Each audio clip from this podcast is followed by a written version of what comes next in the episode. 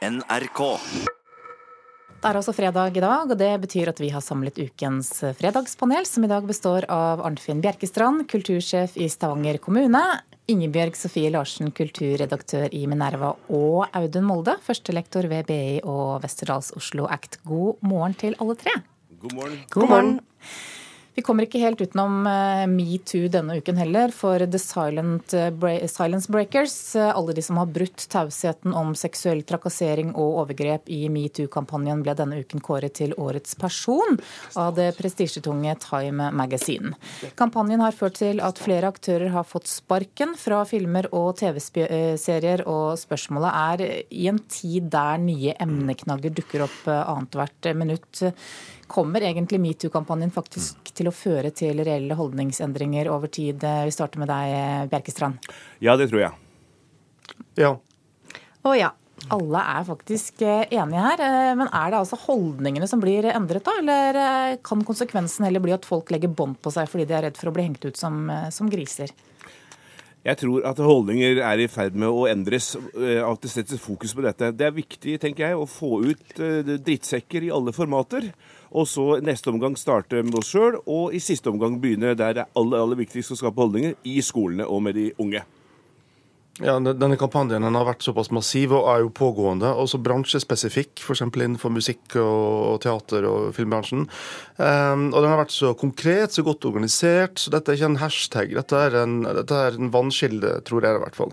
Så jeg tror det kommer til å både forebygge, eh, altså på to plan. Da. Bare at, at, det blir lettere å, å få en reality-sjekk for folk som eventuelt driver med dette. Og at det blir lettere for folk som opplever eller vitner til trakassering, å si fra. Og se at skammen skal være på riktig side. Ja, og så tror jeg også at uh, dette med ens egne grenser, at det blir lettere å snakke om både for menn og kvinner, tenker jeg. da, Det med at, uh, at kvinner uh, kan kan fortelle at dette er greit og dette er ikke greit, og at menn vil kunne, vil kunne også forholde seg til det lettere. Så jeg tror at det her er vi Det er liksom ikke bare for altså, Her er det lettere for alle parter, da, tror jeg. Ja. Ja, jeg, tror, jeg, tror, det er viktig å ikke å si, begrense dette til bransjer. Dette er snakk om å være mennesker og hvordan vi er overfor hverandre. Og Her er det en kjempejobb å gjøre. Å danne gangs menneske over hele linja. Ja, for jeg har også sett at f.eks. en gruppe jurister har stått fram, og også andre, andre har fortalt. Det, det, stemmer, men jeg vil jo fremdeles hevde at det, dette er noe som gjelder mennesker selv, for å si det litt høytidelig. Vi har eh, behov for å jobbe med hvordan vi er i maktforhold, hvordan vi jobber overfor hverandre og er overfor hverandre. Og her tror jeg skolen helt vesentlig. Flere kunstfag i skolen nå. men er prisen fortjent? Ja, det syns jeg absolutt. Eh, det syns jeg fordi at eh, nettopp dette at man har satt ord på noe man kanskje har visst, kanskje man ikke har visst. Eh, men at man har fått dette her fram i lyset, det tror jeg er eh, Det er, det er som du sier, et, et vannskille. Og etter at den metoo-hashtagen kom, eh, så tror jeg ikke jeg har vært på en eneste sosial setting eller fest eller hvor dette ikke har blitt diskutert. Sånn at Dette snakker folk om, og dette kommer til å endre holdninger både i arbeidslivet, men også mellom mennesker privat. Mm. Jeg syns eh, prisen er elegant, og gratulerer også alle her i Norge som har brukt eh, metoo-hashtagen med, med, den prisen. Tiltredes. Ja, men det må vi snakke litt om, for at uh, Vi har jo kvinner i flere bransjer her hjemme også som da har fortalt om hva de har opplevd. Men vi har jo ikke sett at saken har fått uh, de konsekvensene som vi f.eks. har sett i Sverige. Hvorfor ikke? Du tenker på i forhold til offentliggjøring? Mm. Ja, Det spørs om hvor viktig det er. Jeg tenker at det, det, viktigste nå er jo når hashtagene endrer seg og driver det holdningsarbeidet som du setter fokus på. Slik ser jeg på det i hvert fall. Ja, men Det skjer veldig mye. Altså, Det var et møte hos kulturministeren i forgårs mm. med bransjeorganisasjoner om dette. Det skjer mye på grasrota. Det snakkes om og diskuteres hele tiden. Så selv om ikke media plukker opp eh, forsider med folk som eh, outes, så skjer det veldig mye. Vi skal skifte tema. I Åsnes i Hedmark så har det dukket opp en eh, politisk debatt denne uken. Flere er redde for at bygda skal fremstilles negativt i en ny dramaserie som er under eh, planlegging, og at den skal nøre opp under forestillingene om at bygda er et øde sted med tullinger. Spørsmålet er eh, har de grunn til å frykte denne typen fremstilling i norske filmer og TV-serier? Nei. Å oh, ja! Det, det har de, men du må vite å utnytte den. Begynn med deg, da, Audun. Nei, Jeg, jeg, jeg syns det var morsomt å lese den fryktsomme Frp-politikeren fra Flisa som var så veldig redd for hvilket omdømme da. liksom. Men eh, altså, han har sikkert sett mye på TV-serier. Han har sikkert sett Monster, som har ødelagt eh, omdømmet til Finnmark for alltid. Han har sikkert sett Frikjent, som gjør at ingen kommer til å reise til norske fjorder lenger, og Årdal er en død bygd. Han har sikkert sett Hjem, som har lagt Vestfossen i ruiner. Og han har sikkert sett Lillehammer, som har ødelagt alt for hele Mjøsregionen. Så nei, det er ikke sikkert at det er så mye å frykte, egentlig. Dette er jo fiksjon. det er jo I en god TV-serie så er det ikke bare naturen som skal briljere, men det er jo menneskene og miljøene som skal Så jeg, dette går sikkert fint, Flisa. Ja, eh, og dette minte meg faktisk om, om nettopp Lillehammer, som du sa. For jeg bodde i Storbritannia da den serien ble sendt der. Eh, og jeg syntes den var liksom helt OK, men britene de elsket den serien. Og det var så mange ganger at jeg ble møtt med en sånn Å, du er norsk? Å, Lillehammer.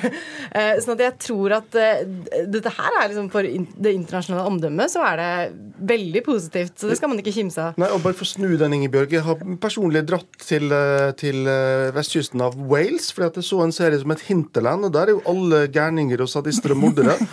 Eh, Men i, virkeligheten så var det jo veldig hyggelig. Men eh, de fikk jo meg som eh, kulturturist, da, så det virka jo. Ja, og sånn tenker jeg jo. Her er det jo mange muligheter. Uansett hva slags omdømme du er med å bygge opp, så får du bare utnytte det. Og det ligner jo litt an på Kvam-saken som jeg var med i en annen fredagspanel. Så her tenker jeg at det gjelder å sette seg sjøl på kartet. Utnytte de mulighetene som kultur, og næring og turistliv gir deg.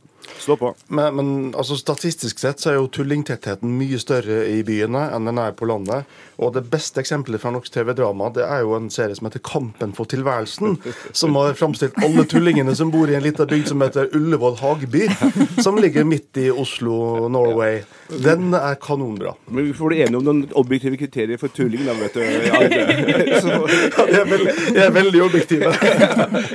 vi får snakkes etterpå. Men det er vel en slags sånn eh, godlynt by-land-dynamikk her, da. Der byfolk eh, anses kanskje litt eh, politisk korrekte og eh, snobbete, eh, og ikke helt vet hvordan verden fungerer, kanskje. Var det ikke snakk om både dialekt og postnummer som ga visse refleksjoner i en debatt for noen år siden, kan jeg huske? Nei, men Det kan jo hende at den fryktsomme politikeren fra Flisa egentlig er smart. da, For han får jo en mediesak og han får oss til å snakke om det. Heia Flisa. Ja.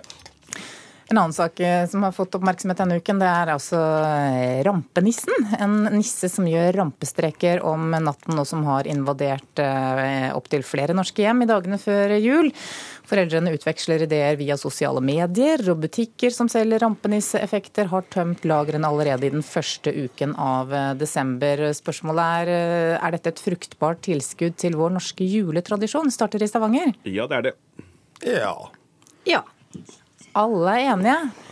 Bjerkestrand, hva er ditt eh, argument? Ja, jeg mener jo at, at rampenissen er, det er jo en del av den norske julenissetradisjonen. fordi at du kan si Det er jo to tradisjoner når det gjelder julenisser, fjøsnisser. Det er at den kan være ene siden rampete og eh, representere mørkekreftene, og så kan den andre siden være den gode. Så jeg tenker at dette er et sånn sett et fint, fint tilskudd mot eh, colanissen. Har rampenissen vært hjemme hos deg, eller? Eh, Jeg har sett spor av han, eh, men, men jeg har foreløpig ikke oppsøkt han. eh, Men vi får se i løpet av adventstiden. Dere mener også her i studio at, eh, at det er et, eh, et godt tilskudd?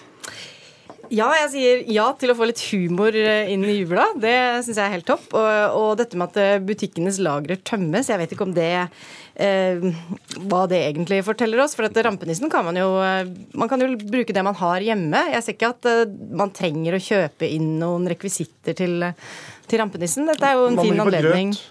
Hva sa du? Grøt må man kjøpe til rampenissen. Grøt må man kjøpe, men grøt kan man lage uansett.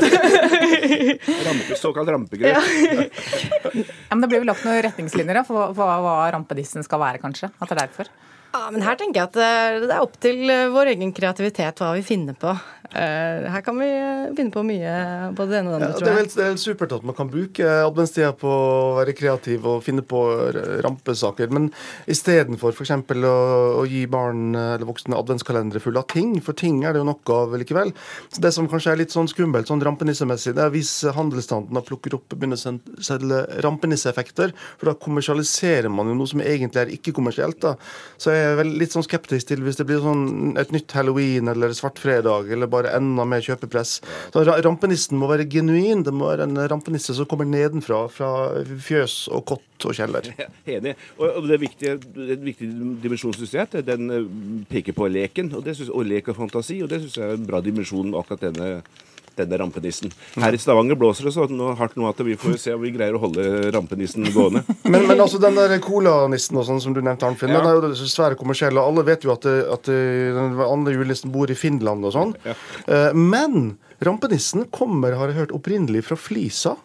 Ja, det gjør det. ja. ja. ja, ja Og så var han en tur innom Kvam. så her er det muligheter. Nei, vi slår et slag for rampenissen, og så litt mindre cola. God jul til rampenissen. Ja, absolutt. ok, da er vi i mål med Fredagspanelet denne uken. Arnfinn Bjerkestrand, kultursjef i Stavanger kommune. Ingebjørg Sofie Larsen, kulturredaktør i Minerva. Og Audun Molde, førstelektor ved BI og Westerdals Oslo Act. Jeg får si god fredag til dere. Takk for at du var med i ukens Fredagspanel.